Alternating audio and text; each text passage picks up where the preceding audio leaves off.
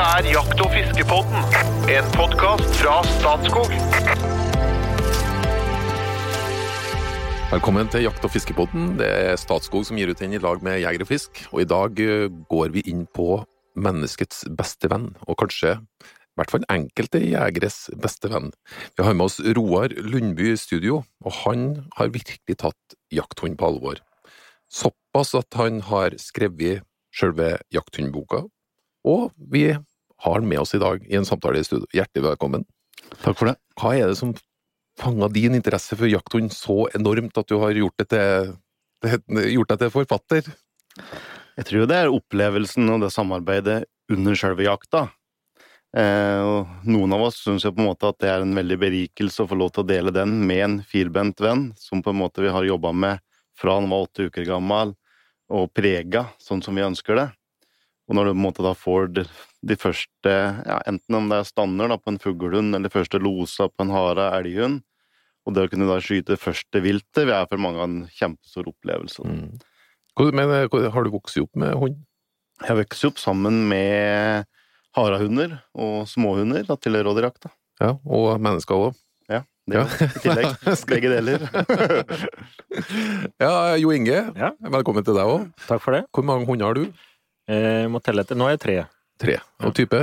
Elghund, striårdaks og pointer. Hvordan er det å jakte uten hund? Um, nå er det litt kjedelig. Ja. Jakt uten hund, når jeg har gjort det så lenge. Men jeg jakter mange Jeg jakter nesten på alt, da. Og det er en del typer som det ikke er nødvendig med hund, eller at jeg ikke trenger hund nødvendigvis. I den grad. Mm. Da, da er jeg jo det òg. Og sistemann her nå har ikke hund. Espen? Nei, jeg syns de lukter vondt. Nei da. Nei, jeg har, ikke, jeg har ikke hund, og jeg er jo en ihuga støkkjeger. Men, men jeg har jo stor, jeg har stor respekt for, for dem som jakter med hund, altså. Og jeg jakter også litt uh, med hund og jakter rådyr, så, så jeg er jo ikke helt eh, fremmed for dette jeg heller, da. Men som fuglejeger vil jeg helst gå aleine. Men uh, syns jo det er spennende med hunder òg, så jeg henger med her sånn. Syns jeg har lest boka, da. Synes det er, Ja, ja, ja. ja, jeg har faktisk, eh, om ikke fra perm til perm, så har jeg bladd ganske iherdig inn for å danne meg et bilde. Har noe å lære. Ja, du har det, ja. Ja, og det er veldig Det var veldig ydmykt av deg, Espen. Ja, det er kanskje, kanskje en side som ikke du kjenner, men det, det hender det. Her er jeg veldig ydmyk. Ja. Ja. Roar, hvor mange hunder har du? Eh, Per dags dato så er jeg fire. Fire. Ty Hvilken type er det, da? Det er drever, som har mulighet til både litt rådyrjakt og litt hjortejakt og noe dåhjortejakt i Sverige. Og så er det irsksettere, to stykk, til ulik fuglejakt. Og så er det en østsibirsk laika i tillegg, som vi jakter en del elg med her hjemme, og litt villsvin i Sverige. Mm. Fortell litt om boka. Hva, hva, hva er det du tar for deg i boka? Eh, vi tar for oss egentlig alt ifra du har begynt å vurdert å kjøre tanken på å kjøpe deg en hund. Eh, du har på en måte tatt det opp i kanskje i familieråd og diskutert litt eh, hjemme. Eh, og begynt å se på ulike raser og ulike oppdrettere. Alt ifra der på en måte selve utvelgelsen av en valp hos oppdretter, til du får den i hus. Første på en måte døgnet hjemme, første det å gjøre den re- renslig på en måte, begynne å dresse den innomhus og hvordan du på en måte skal spille på lag med hunden. Han har jo ulike utviklingsperioder, på en måte. Han er enklere å håndtere og dressere i noen perioder av livet enn i andre. Eh, Akkurat som på en måte unger og tenåringer, Mm. så har også hunden sine utfordringsperioder. Og du bør vite om dem på en måte idet du legger ned arbeid i den. Eh, og så er det på en måte det ulik atferd. Vite hva hunden egentlig signaliserer her, da, når, når du jobber med den. Slik at du på en måte kan ha mulighet til et, et samspill, egentlig, som blir best mulig, med ulike øvelser i tillegg som vi mener er viktig at alle jakthunder bør kunne kunne. da. Mm. Er, vil du si at kunnskapsnivået er høyt eller lavt blant uh, Det er veldig varierende, Ja. tror jeg. Både høyt og lavt. ja, jeg tror egentlig det. Ja. Og det er veldig ulike målsetninger. Jeg er mest interessert i å sette folk i bås, så jeg, må ha, jeg må ha ting veldig klart. Og det er veldig ulike målsetninger når folk kjøper sin hund. Ja. Noen har på en måte en plan allerede og tenkt at yes, jeg skal ha norgesmesteren på Kongsvoll på en måte av fuglehunda. Det er det som er målet med den lille- krabbehatten på åtte uker. Mens andre er kanskje mer enn godt fornøyd hvis fuglen i det hele tatt tar en stand. Mm. Eller om en måte en harehund på en måte gir en liten losnubb, så er det greit. Så jeg tror liksom det er veldig forskjellig her. Da. Det er veldig forskjellig hvor mye tid folk legger ned i de ulike hundene sine da, i tillegg òg. Ja, for det, for det er liksom ikke å knipse i fingrene, og så har du en jaktkompis som du kan ta med deg ut på høsten. Det, det, det er et ganske svært prosjekt, det å, det å anskaffe seg hund og, og prege en hund, og uh, ha en hund resten av året når du ikke er på jakt, osv. Det, det, det er svære greier. Ja, det er det, og det er jo på en måte individer med sterke jaktinstinkt. Det er jo helt tatt derfor vi har dem. Det vi ønsker å ta vare på. Og så er det på en måte likevel at kanskje kunne si at ja, klokka er fire om dagen, så nå vil jeg hjem. Og det å kunne få med seg bikkja hjem igjen da, det er ikke bare bare. Og da trengs det å ta lagt ned litt ekstra tid i dressuren og grunndressuren, da, for du har fått valpen i hus, for at du kunne bestemme når du avslutter jaktdagen sjøl, da. Mm. Det, og det er der, det der eh, kronen på verket settes, helt i starten, egentlig. Ja. Det er veldig vanskelig etter noen år å prøve å ta igjen det tapte. Yes. Og mer du gjør tidlig, på en måte, bedre rustet er du da, for å få en godt dressert jaktkamerat for resten av livet. Mm. Jeg pleier å si at har du gjort Du bør gjøre veldig mye innen den første måneden du har den i hus, de første fire ukene. Og så bør du liksom på dressursida de ulike øvelser, så bør du ha gjort nesten alt innen han har blitt seks måneder gammel. Ja. Da har du på en måte mye bedre rustet. Da starter jaktlysta å våkne i hunden i tillegg. Har du gjort unna alt det grunnleggende da, sånn kan det, så er det bare å videreføre det, på en måte pusse på det da, videre oppover i Mm. livet. Hva er liksom historien til medhjelpere som er hund på jakt, da? Hvor, vel... hvor, starter, hvor kommer det fra? Akkurat hvor, hvem som starta med det, tør jeg ikke helt å si, men det er jo for at vi vil gjøre jakta mer vellykket, egentlig, da, for å lykkes bedre. Eh, hun har jo på en måte sanser her som er langt overlegne våre. Mm. Eh, så det er vel det som hele tatt er grunnen til at på en måte, mennesker begynte å tamme de her ulva, på en måte, og sørge for at de skulle jakte på lag med oss, da. For å få enda mer kjøtt på bordet. For vi snakker om gamle tradisjoner her. Veldig gamle tradisjoner. Det er det. Er det, er det en norsk tradisjon? Er det en spesiell norsk tradisjon, eller? Ja, det er en norsk tradisjon å ha jakthunder, men, eh, men det er gjort over hele verden. Altså, vi har all, alle hunder i utgangspunktet er jo mm, dressert eller trent for jakt i en eller annen form. Og så bare utvikle seg, altså ved, ved, ved avl, da. Altså utvikle seg til, til formålet. Eh, Veldig, veldig målretta avl. Eh, Dachsen min, for eksempel, med veldig små bein, type hihund skal gå inn i trange hi, måtte ha små bein, og den er jo ja, Noen vil jo si den er defekt, men, men eh, det er jo gjort bevisst, ikke sant? Og vi har temme ulv. Vi har mennesker har jo god erfaring med å domestisere og temme ville dyr. Og Ulven eh, ble temmet til å bli en jakkomkamerat, for å bli mer effektiv på jakt og skaffe kjøtt på bordet. For her, det finnes ganske nå, du, du hadde fire hunder, tre forskjellige typer, men her finnes det et villnis av eh, eh, Kanskje feil ord, det, det, det finnes veldig mange typer eh, jakthunder, gjør det ikke? Ja. Hvis du starter i en ende, da. Hvis en skal gå kjapt igjennom på en måte de ulike jakthundtypene, tenker du på, Ja. så er det jo som den eh, dagsen til eh, Jo Inge, da, på en måte, som i gruppe for seg, med ulike både størrelser og hålag, ulike hårlagsvarianter. Eh, Du har ulike terriere i tillegg, for å kunne bruke i hi og under bakken på både rødrev og grevling. Og så har du oppover etter ulike spisshundtyper, til eh, spesielt da elgjakta, eh, som på en måte skal holde ja, løshund der skal jo på en måte jobbe, jobbe med dyr og sørge for at det på en måte står mest mulig ro, så du som jeger kommer innpå kan avlive det. Mens mange i dag òg bruker det som en ren bannhund. Og du har til ulike harehundtyper, fra de kortbeinte som brukes på rådyr og hjort, til de langbente støvrasene på hara og rødrev, til ulike fuglehunder, både med de stående og de støtende og de apporterende. Hvordan gjør man ikke et valg blant det her? Så jeg ser på, på fuglehund, for eksempel. Hvorfor har du, du har eh, pointer, eh, Jo Inge? Har du det? Ja. Jeg er, ikke noen, jeg er ingen rasefanatiker i det hele tatt. Jeg har hatt flere raser. Eh, pointer, for at eh, jeg har hatt god erfaring med det. Og når jeg begynte å jakte med hund Jeg jakter på stakk som Espen, og så skjøt jeg bort en fjærhane, en tiur på godt norsk, eh, på stakk, og bestemte meg der og da. Det, skal ikke, det her skal jeg prøve å unngå i framtida. Og jeg kjøpte meg hund uka etterpå. Det var en Gordon Setter som da var kjent for å være liksom en skogsfuglhund. Det var liksom det jeg drev på med.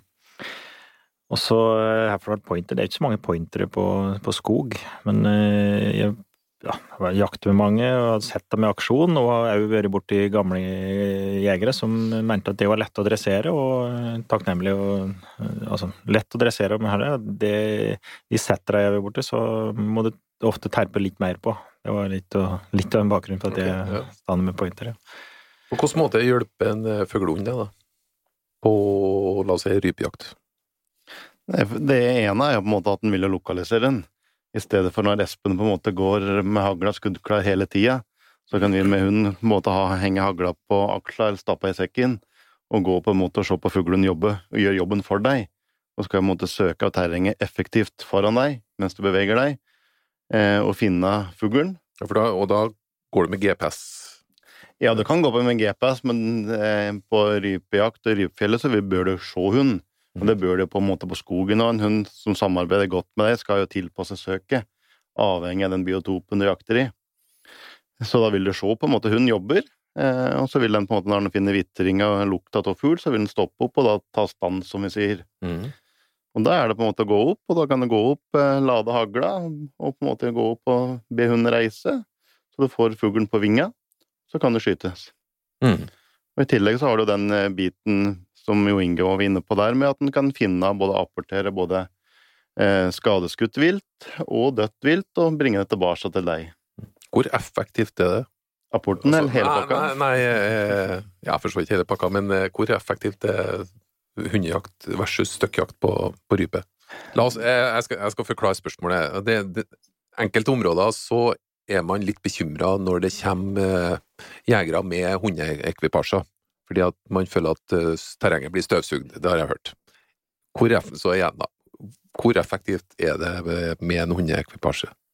Det er vel på en måte Lokalkunnskapen er vel kanskje viktigere her enn akkurat eh, hundene, tror jeg. Eh, en, en god støkkjeger som er kjent, kan nok skyte like mye fugl som en som jakter med hund. Jeg tror kanskje en som jakter med hund, han har litt annen innfallsvinkel til jakta i tillegg. Han er interessert i å ha et godt fuglearbeid på en måte på hund, og skyte på en måte i gode situasjoner. Eh, I stedet for kanskje å fylle sekken raskest mulig, da. Jeg, jeg var jo med deg, Jo Inge, på Ja. jakt med det var to, to hunder, var det? Og eh, særdeles eh, dårlig utfall for min del. Var det hunden sin feil? Jeg har ingen kommentar. Nei. Men du, du er jo hund, jakter med hund. Ja, jeg er det. Um, og jeg tror uh, hvis, hvis det ikke hadde hjulpet noe, hvis det ikke hadde vært i bæret, så tror jeg mange flere hadde sluttet med det. Altså, eh, det er jo en grunn til at vi har valgt å temme de her ulva og faktisk eh, har dem med oss på jakt. Men, men det er jo og det er jo vanlig òg at folk skiller på, eller forvaltere skiller på jakt med uten hund. Men jeg syns det blir litt feil angrepsvinkel. Og, og jeg har stor respekt for de som jakter uten hund. Det har jeg gjort veldig mye sjøl. Men, men det er slik dere Vi ser at de som har hund, for det har vi testet i Statskog, de som har hund, får med seg noe mer vilt hjem igjen. Men det er ikke- det er fryktelig mye dårlige jakthunder der, og fryktelig mye dårlige jegere. Men vi ser at de som har hund, får med seg noen flere fugler hjem igjen. Og det kan jo være for at hund faktisk har funnet en skadeskutt fugl, da. Som du vil ha større problemer med å finne når du går uten hund. Det kan være at uh, jegere med hund er mer erfarne jegere. Så det, det er jo noen Ja, ja. variabler her. Ja, det er det. Uh, Vi ser òg at de som har hund, ofte legger litt mer tid i det. Det er litt mer forpliktelser. Du skal ha en hund, du skal helst ha den med ut på jakta. Det er jo det de helst vil. Og at du da legger ned litt mer innsats, både i hund og i deg sjøl, og trening og forberedelser. Mm. Det er litt enkle å bare reise, som Espen, og bare kan ta sekken og så dra. Men som en hund så er det liksom det, det er ganske mye forberedelse før jaktsesongen, og da forplikter det til å bruke den. Så at det, kanskje de jegere spesialiserer seg litt mer. da. Det frister ikke deg så mye, det, Espen? Nei, altså Eller det- kanskje det- hele totalpakka? Ja, nei, men det, ja, nei, altså jeg, jeg tenker at det, det morsomste jeg veit, er å gå i skauen med hagla ladd og være på støkkjakt. Jeg, jeg tror ikke det er, det er ikke mye som slår det. Og det der, når du sier at vi som har hund, vi kan, vi kan henge hagla på skulderen eller putte den i sekken, så tenker jeg ja, deg om det. Du fratar deg selv den store gleden å gå med hagla i handa. Det er jo dette som er moro, spør du meg.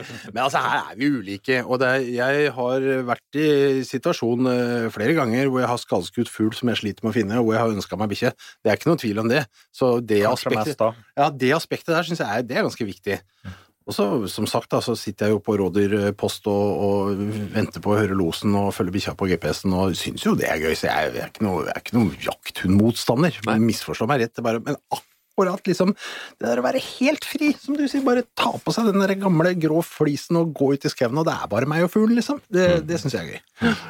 Men altså, for all del, bikkje er flott. Og så har jeg lyst til å si en ting da, om, om Roar. Eh, Roar jobber jo hos oss i Norges jeger- og fiskerforbund eh, som jakthundkonsulent, så han er jo profesjonell i tilnærminga. Eh, og har da skrevet denne boka for oss, som, som vi får mye ros, og som er utsolgt av førsteopplaget. Vi har bare så vidt fått gitt den ut, så det er jo tydeligvis et sug i markedet etter kunnskap om eh, dressur av jakthunder. Det er jeg helt sikker på, så det, dette er jo veldig hyggelig, hyggelig greie. Eh, på kontoret hos oss eh, så har vi, jobber det mye jegere, selvfølgelig, eh, og det er mye bikkjer rundt omkring på kontorene. Og tidvis eh, kan det være ganske mye mas hvis eieren er i et møte og det blir stående og ule og det er mye greier. Det skjer ikke hos Roar. Han kommer gående gjennom gangen med fire bikkjer i kobbel, og det er helt stille, og de går inn og legger seg, og når Roar går i et møte, så er det helt stille inn på kontoret. Så her er det full kontroll på bikkjene, så det er bra skussmål for en som skal skrive jakthunddressurbok, altså. Det må jeg si. Så det, all respekt for det. Hvordan er det med allergikere på hovedkontoret? Vi ansetter ikke allergikere på Åsane, rett og slett. Sånn er det. Det går ikke. Det er det enkleste. Nei, nei, nei. Men Roar, litt, litt sånn enkelt igjen på Rype var vi på skogsfugl. Der er litt sånn ulike typer hjelp du får. Ja. Skogsfuglen på en måte skal jo jobbe, bør jo jobbe mye tettere med deg som jeger, da. Eh, og når du får en hund til å virke på skogen og fungere godt der, kanskje på tiur som løper unna på bakken, du må henge på hele, hele veien der og får en spikerstand i utkanten av en myr, et eller annet sånn. Det er jo Den som ikke får adrenalinkick da, den får du aldri, vil jeg påstå. Så der må du virkelig henge på. Og det tror jeg nå er kanskje den, ja, noe av det mest spennende kanskje med hele fuglejakta, er når du får den der skogsfuglen til å jakte. det fungerer med hund. Mm. Men det var noe halsende hunder. Du har halsende fuglehunder i tillegg. Eh, treskjellere, som mange kaller det. Eh, det er jo en type spisshund, men òg en, en måte, halsende fuglehund, vi kaller det. Hører til sammen med de andre spisshundene i gruppe fem. Eh, Men den har òg da jobben med at den skal søke finne fugl, og i stedet for da å ta stand som de stående fuglene gjør, så skal den helst ha støkk og jage opp den fuglen, slik at den da kan flyge opp og sette seg i tre, og hun vil da stå under der og bjeffe med los, så som jeger kan smyge det inn på den losen da, og skyte dem mens de sitter i buskene. Men eh, også, og når bikkja står her og halser, så blir fuglen bare sett han. Ja, det er, det, det, som, det er jo det som er spennende med det, ja. Og akkurat hvorfor kan, er det kanskje ulike innfallsvinkler på ulike tider til året, men det er en eller annen type litt sånn hypnotisert blir, da.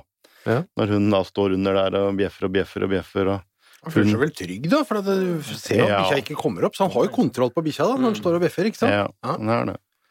Så det er på en måte det at da Hun skal jo på en måte være rolig og stå og lose, bare. Han skal ikke på en måte prøve å klatre opp og få tak i fuglen sjøl. Han skal holde seg ganske så passiv, da. Men eh, hvordan er det med når det gjelder jakt på hjortedyr? Hvordan får man hjelp av ulike typer hunder da? Det er jo veldig mye forskjellig. Der har vi jo alltid fra på en måte de som bruker en bannhund eller en ledhund. eller- Det er jo også forskjellig hvordan det blir brukt i ulike deler av landet. Men mange bruker jo på en måte bare en ren Det aner meg at det spørsmålet var litt for stort. Ja, en, ene er jo bare en ren sporhund, på en måte, som på en måte kan Med masse poster, som på en måte du bare skal drive en hjort eller et elg fram på en post. Mens den tradisjonelle bannhundjakta, ledhundjakta, er jo at du med en hund i bånd skal smyge det innpå dyret i riktig vind, og så kunne skyte det. Mm. Eh, og så har du på en måte løshunder, da. Både på rådyr og hjort, som på en måte skal lose og bjeffe i spora. Som, som jakta som Espen holder på med med rådyr òg, med ulike poster ute.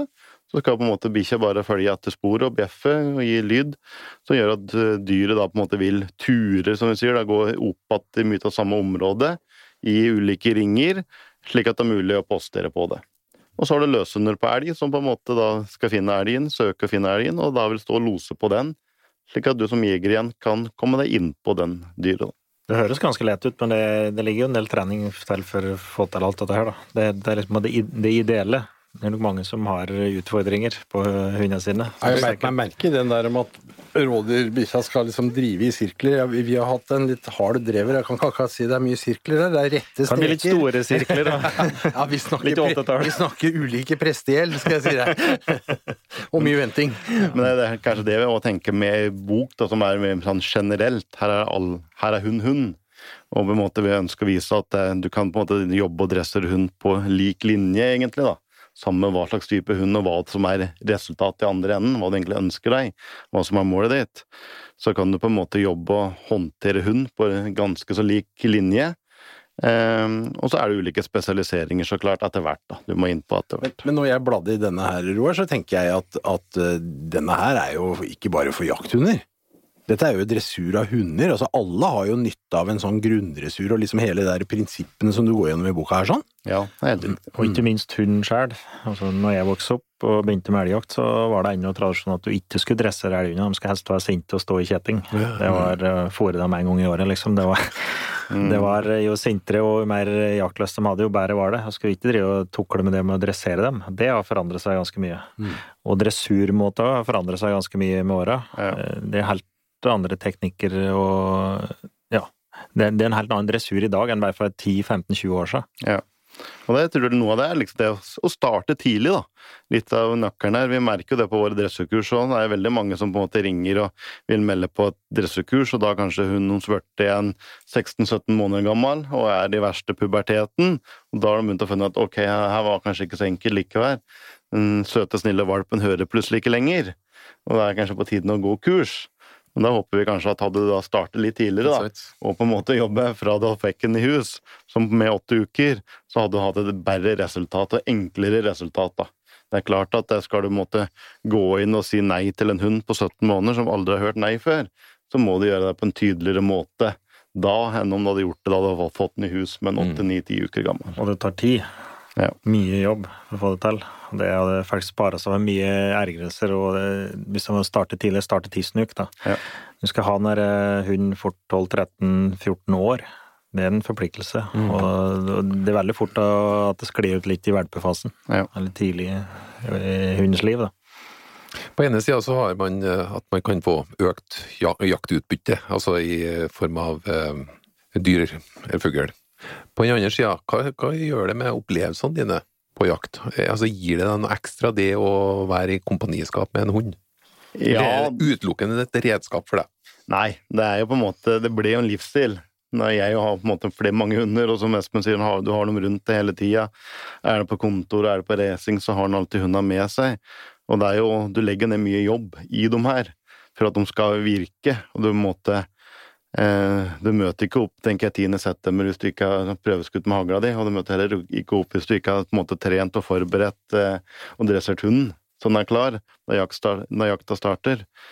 Ehm, så for min, min del så er det begge deler. Det er et ja, et redskap òg, men det er på en måte det at det er med å øke både den kvaliteten med det å være ute, da, og jakte over gode hunder.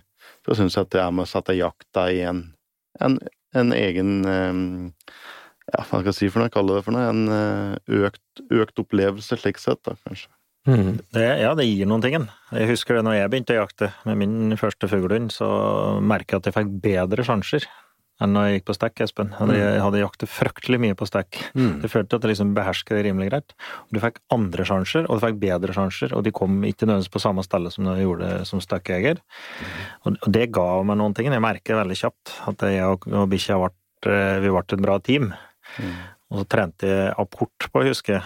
Eh, Hun var ikke like spesielt eh, villig til å hente vilt jeg husker i. Og ikke noe, hun var jo helt nukk, men eh, hun var ikke noe fælt å springe etter. Jeg husker en eh, jeg skjøt ei rei, og, og den der dro. eh, Han datt ikke. Jeg var helt sikker på han skulle dette. Jeg så at jeg traff han ordentlig. det. Og så dro bikkja etter, og så står jeg der og kjefter og er passe bøs. Og så går det lang stand, og så hører bjølla Før vi hadde radio, nei, peilere, så hørte jeg bjølla stoppe, og så kommer bikkja tilbake, og så apporterer den der eh, reia. da. Hadde funnet, hørt ferdig etter den, hørt den lande, og så fant den, og så apporterte den tilbake. Og da begynte jeg å grine, faktisk. Såpass mye jobb hadde jeg lagt i det. Og Det er ikke spesielt lettrørt, men det var, slik der, det var en veldig Og jeg husker liksom første rådet, jeg husker første fuglen jeg skjøt for hund. Det er noe spesielt med det. Alle de, alle de forberedelser lagt i det. Er det noen klassiske feller, noen, noen klassiske feil som, folk, som, du opplever at folk gjør? Jeg føler at veldig mange er veldig flinke til å starte med hundedressuren sin. Da. De starter med godbiter, de starter med positiv innlæring og alt det du skal gjøre. Men når du liksom må begynne å stille litt krav, og du, måtte, du vil stoppe hunden da, hvis den er på tur etter enten nabokatta eller den er på tur ut på en eh, bilvei, så må du innarbeide en god nei. Du må innarbeide enten en sit-kommando eller en kom-kommando eller et eller annet som gjør at den kan avbryte den holder på med, og komme tilbake til deg. Og den er nok vanskelig for mange, på en måte, å gå fra det steget med bare masse ros og kos til de å se at her er det lederskapet mitt som gjør at du skal komme til meg. Eh, der føler jeg at mange har litt å gå på. Hva, hva innebærer det å etablere et sånt lederskap? Det er på en måte at du Du må jo opparbeide deg en tillit hos hunder og alt, på en måte. Det er jo tidligere ulver. De er flokkdyr. Ja. Det er én sjef. Det er ett par som er sjefen. Du, det er du som er lederen av flokken. Ja. Og det er på en måte både den tilliten og det er den flokkstrukturen, på en måte. Og I tillegg som gjør at du da gjennom ulike treninger, på en måte Du skal være klar, du skal være rettferdig, men du må kunne si at nok er nok, på en måte. Du skal bestemme, da, kort og godt. Mm. Har du måtte, sagt, at, sagt eksempel nei, eller du har sagt en kom-kommando, som er en innkallingskommando, så skal hunden lystre. Eh, når du starter med innlæringa, så er det liksom Det skal ikke være mulighet til å ikke lystre. Hun skal ikke få den sjansen, da. Mm. Eh, og det er noe, noe, du legger vekt på en måte i dressuren din hele eh, pakka, som vi tar for oss ganske godt i boka. At du på en måte Det er ulike faser her du kan gjøre ulike ting i. Eh, og du bør jo måtte hele tida lage situasjoner der du har full kontroll sjøl. Idet du utsatt deg for en situasjon du er usikker på om bikkja vil lystre til, eh, og bikkja kanskje ikke lystrer, og du ikke har muligheten til å kunne gå inn og si nei, så har allerede bikkja skjønt at ja, gubben mener kanskje ikke den nei-en så tydelig likevel, for det mm. får ingen konsekvenser å bryte den. Skjer det ofte? Altså, hvordan er det? Det, det, det aner meg at det kan være litt sånn Du kan få litt prestasjonsangst hvis du får uh, har med jakthunden din i, i, nærheten av deg. Nei, det tror jeg ikke i det hele tatt. vi er jo forskjellige. Vi ønsker forskjellige ting. Altså, jeg tror det er veldig viktig at vi alle har på en måte hunder sånn som vi ønsker dem sjøl. Eh, jeg pleier å si at det er veldig mye, mye lykkelige jakthunder rundt omkring. Det er ikke sikkert om alle er like godt dresserte, eh, men det er på en måte mål vi satte oss sjøl, tenker jeg. Så det viktige her er jo at du har hunder du trives med sjøl, og som du er godt fornøyd med. Og mm. kanskje har jeg andre krav til mine hunder, da. Men sånn er det jo. Vi er forskjellige, sånn sett. Mm. Veldig fin avslutning.